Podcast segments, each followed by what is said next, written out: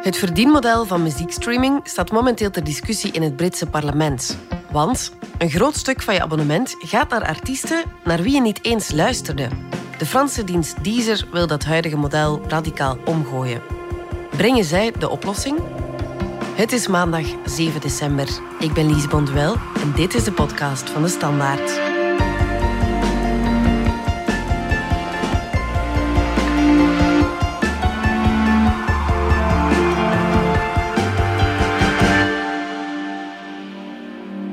Nick Deleu, cultuurredacteur bij De Standaard. In het Verenigd Koninkrijk is er momenteel een heftig debat bezig onder de hashtag Broken Record. Wat is daar aan de hand? Broken Record is een campagne die opgestart is door de Britse muzikantenvakbond. Het is eigenlijk een hashtag waaronder ze campagne voeren. Mhm. En zij willen eigenlijk aanklagen hoe weinig artiesten verdienen aan streaming, aan muziekstreaming. Mhm. En Tom Gray, een van de trekkers van de campagne, die beaamt dit ook. Hè? There's just dozens and dozens of young artists coming to me on Twitter every day going, I've got however many million plays, I have 200,000 monthly listeners, I do not make minimum wage. Die campagne loopt al een tijdje, maar die heeft het nu in het Verenigd Koninkrijk tot een, een soort van parlementaire onderzoekscommissie geschopt. Mm. Waar nu uh, een aantal artiesten, managers, labels en ook streamingdiensten zelf komen getuigen over hoe werkt dat eigenlijk, muziekstreaming. Ja. Waarom komen ze nu pas op straat? Want dat debat leeft wel al langer. Hè? Het debat rond wat streaming opbrengt leeft eigenlijk al sinds de start van streaming. Artiesten hebben altijd het gevoel gehad, ja, we verdienen er toch niet genoeg aan. Omdat mensen ook die vergelijking maken met de cd-markt van vroeger. Mhm. Die wel een soort van levenswaardig inkomen opleverde voor artiesten. Bij streaming was dat moeilijker al van bij het begin. Maar gaandeweg zijn mensen dat beginnen gebruiken als een manier om ervoor te zorgen dat steeds meer mensen hun muziek gingen ontdekken. Door de statistieken die je van streaming kreeg, kon je ook veel beter zien in welke steden of in welke landen je veel gestreamd werd. En dan gingen artiesten hun tours daarop afstellen. Mm. Dat is eigenlijk waar het, het, model van de hele muziekindustrie de afgelopen uh, jaren naartoe geëvolueerd is. Er zijn weinig artiesten die teren op inkomsten uit streaming, want die zijn relatief laag.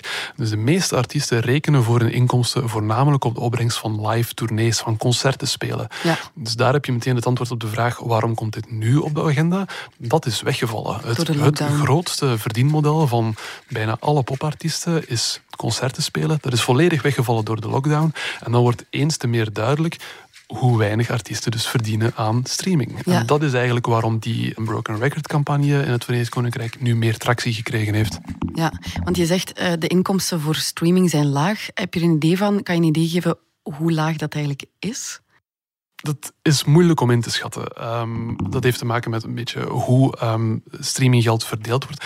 Algemeen wordt er aangenomen dat aan één stream dat dat eigenlijk 0,004 euro waard is. Okay. Dat betekent dat als je 4000 euro wil verdienen, moet je eigenlijk al een miljoen streams halen. Ja. Als je Ed Sheeran bent, je hebt 50 miljoen maandelijkse luisteraars op Spotify alleen al dan lukt dat iets makkelijker dan wanneer je een Belgische jazzartiest bent. Die het enkel moet stellen met, met deze markt bijvoorbeeld.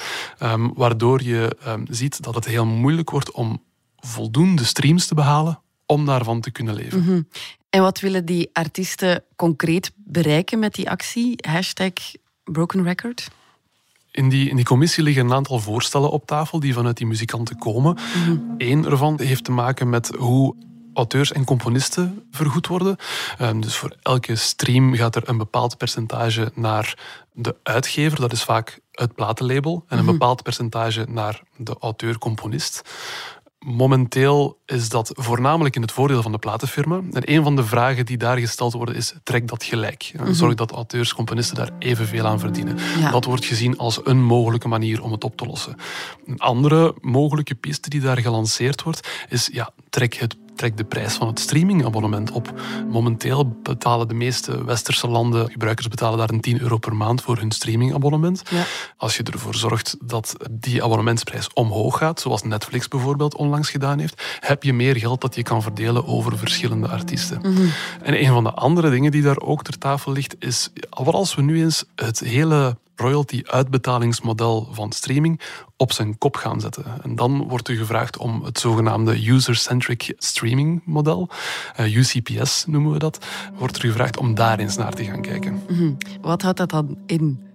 Ja, om te weten wat UCPS inhoudt, moet je eigenlijk beginnen met je af te vragen mijn 10 euro die ik per maand betaal voor een streamingabonnement, waar gaat die eigenlijk naartoe? Mm, ik heb het gevoel dat als ik een artiest beluister, dat dat geld rechtstreeks naar de artiest gaat. Zo was het vroeger al sinds toen je een cd koopt van een artiest, dan krijgt die artiest daar ook de opbrengsten van.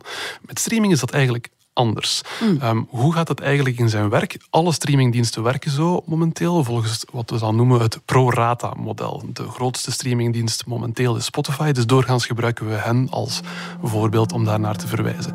Hoe werkt het geld van een Spotify-abonnement? Als ik 10 euro per maand betaal, alle abonnementsgelden gaan samen in die grote pot. En dan vervolgens gaat Spotify kijken naar individuele artiesten. Welk marktaandeel van het totale aantal streams haalden zij op? Stel nu bijvoorbeeld dat Ariana Grande in een bepaalde periode 5% van alle streams gehaald heeft.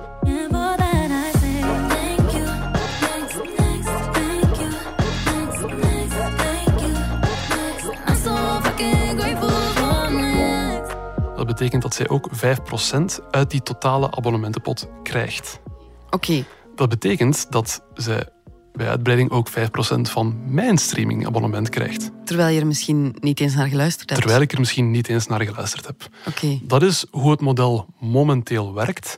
Eh, dat heet het pro-rata-model. En er wordt vanuit gegaan dat bij een gemiddelde gebruiker, dat zegt de Britse Musicians Union dan, ongeveer een 70% van je abonnement gaat naar artiesten waar je nooit echt naar geluisterd hebt. Maar dat gaat dan over de gemiddelde gebruiker? Inderdaad, de gemiddelde gebruiker. Um, maar Vorige week heeft Spotify bijvoorbeeld zijn Wrapped-cijfers bekendgemaakt. Iedereen die de app Spotify had staan, kreeg een soort van presentatie. Die zei van, dit is hoe jouw luistergedrag eruit zag in het afgelopen jaar. Uh, je hebt naar zoveel artiesten geluisterd, naar zoveel verschillende liedjes. Dit was je populairste song. En je hebt in totaal naar zoveel minuten muziek geluisterd. Daar zitten heel grote verschillen in tussen verschillende gebruikers. Uh, in mijn eigen huishouden bijvoorbeeld, ik heb blijkbaar 60.000 minuten naar muziek geluisterd in 2020. Bij mijn vriendin was dat 30.000 minuten muziek. Met andere woorden, ik heb dubbel zoveel gestreamd als zij. Daarom krijg je die verschillen tussen die, um, tussen die gebruikers. Wat dat eigenlijk ook betekent dat ik meer bijgedragen heb tot het opdrijven van het marktaandeel van bepaalde artiesten dan mijn vriendin. Ja waardoor mijn streams zogezegd meer opleveren. Mhm. Eigenlijk moeten um, streamingdiensten het geld uit haar abonnement, dat in die grote pot gegaan is, moeten die dat eigenlijk gaan gebruiken om mijn artiesten, tussen aanhalingstekens, te gaan subsidiëren. Ja. Ik consumeer zoveel meer dat ze haar abonnementsgeld nodig hebben om mijn artiesten uit te betalen. Dat is ja, een gevolg, een uitwas van het huidige model. Oké, dat is niet echt een logisch model. Kan het ook anders? Er is een ander, een ander voorstel voor. Um, de Franse streamingdienst Deezer, helemaal in het begin van uh, de streamingrevolutie, stonden die eigenlijk een beetje op gelijke hoogte met Spotify. Mhm. Spotify is daarna doorgegroeid, Deezer is een beetje klein gebleven eigenlijk. Maar die proberen zich nu opnieuw in het debat rond streaming te knokken door een ander voorstel te doen. Zij stellen een user-centric approach voor. Dat betekent dat er wordt gekeken vanuit de individuele gebruiker. Dat betekent als ik met mijn streamingabonnement maar één artiest zou streamen gedurende een maand, die volledige 10 euro ook naar die artiest gaat. En dus dat Ariana Grande daar geen 5% meer van kan weghalen. Ja. Heel eenvoudig gezegd komt het daarop neer. Dus een veel eerlijker model dat is toch wat Deezer zegt. Ja. Zij proberen streaming meer fair te maken op mm. deze manier, zeggen ze. Omdat ze vinden dat deze band veel meer lijkt op de band die er vroeger bestond. Als je vroeger een cd kocht, dan ging het geld naar de artiest. Als je met jouw streamingabonnement alleen maar naar één artiest luistert, dan is het voor hen ook logisch dat al het geld naar die ene artiest gaat.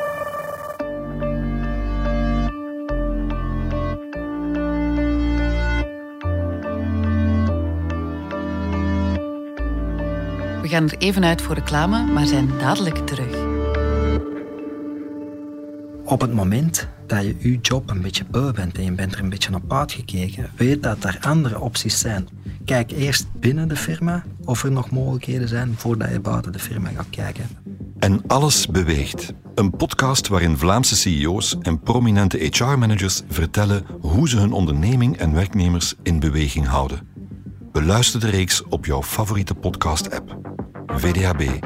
En alles beweegt.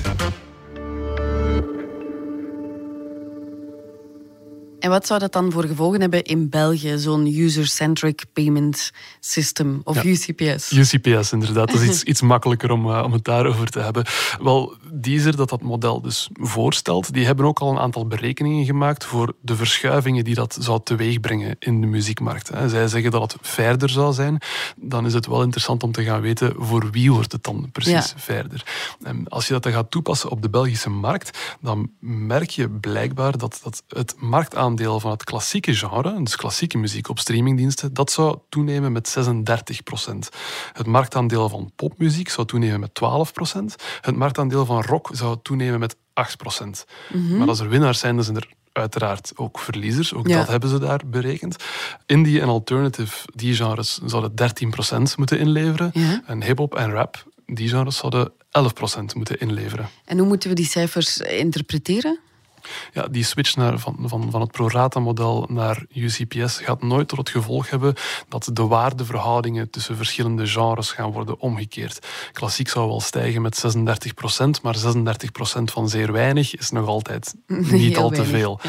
Ehm, dus de krachtverhoudingen tussen de verschillende genres zouden ook in de Belgische markt ongeveer gelijkaardig blijven. Pop zou het grootste genre blijven, rock blijft het tweede grootste genre en hip-hop blijft het derde grootste genre. Ook al verliezen die eigenlijk een beetje marktaandeel. Ja.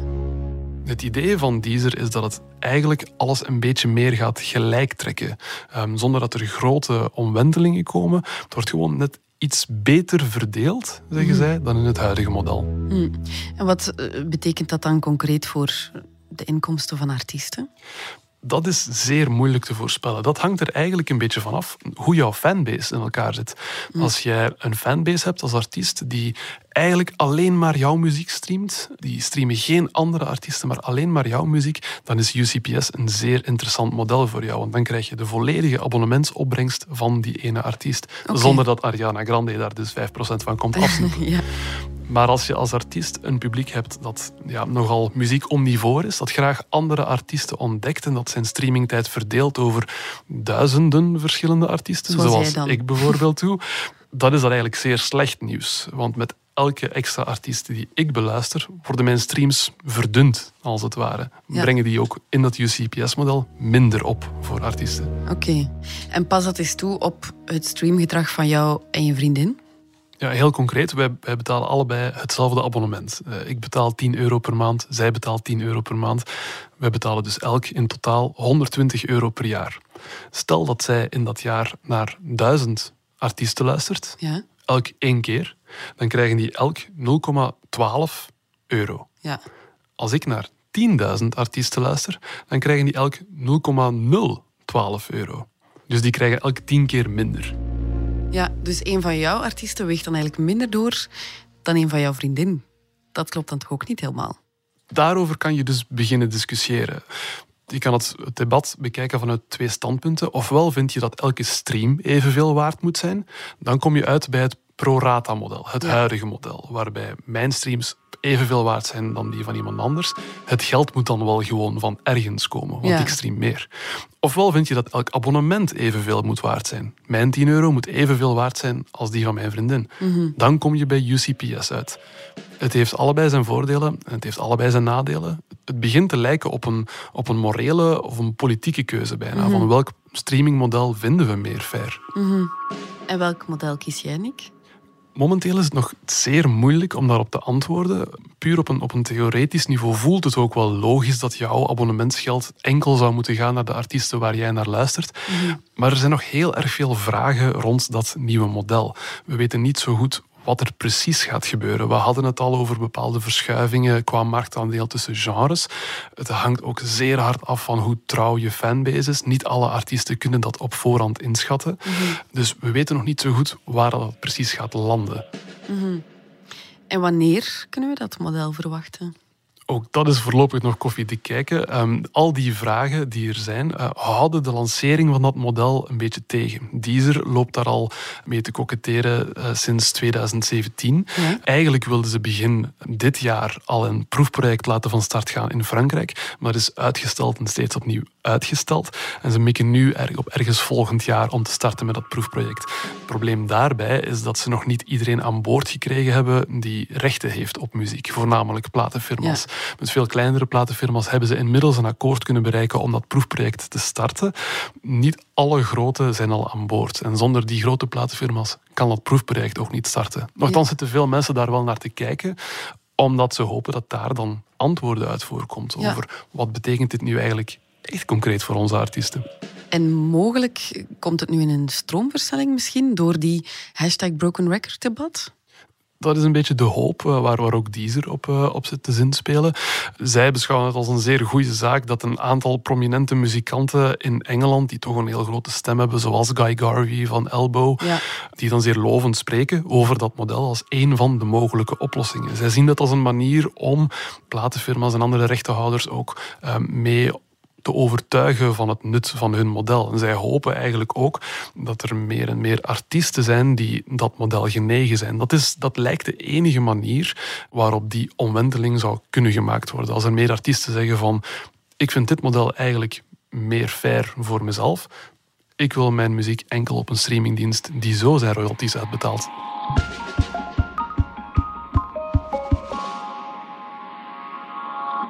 Zie het snel hier gebeuren. Een parlementaire commissie over de toekomst over streaming. En wie wordt dan de Belgische Guy Garvey?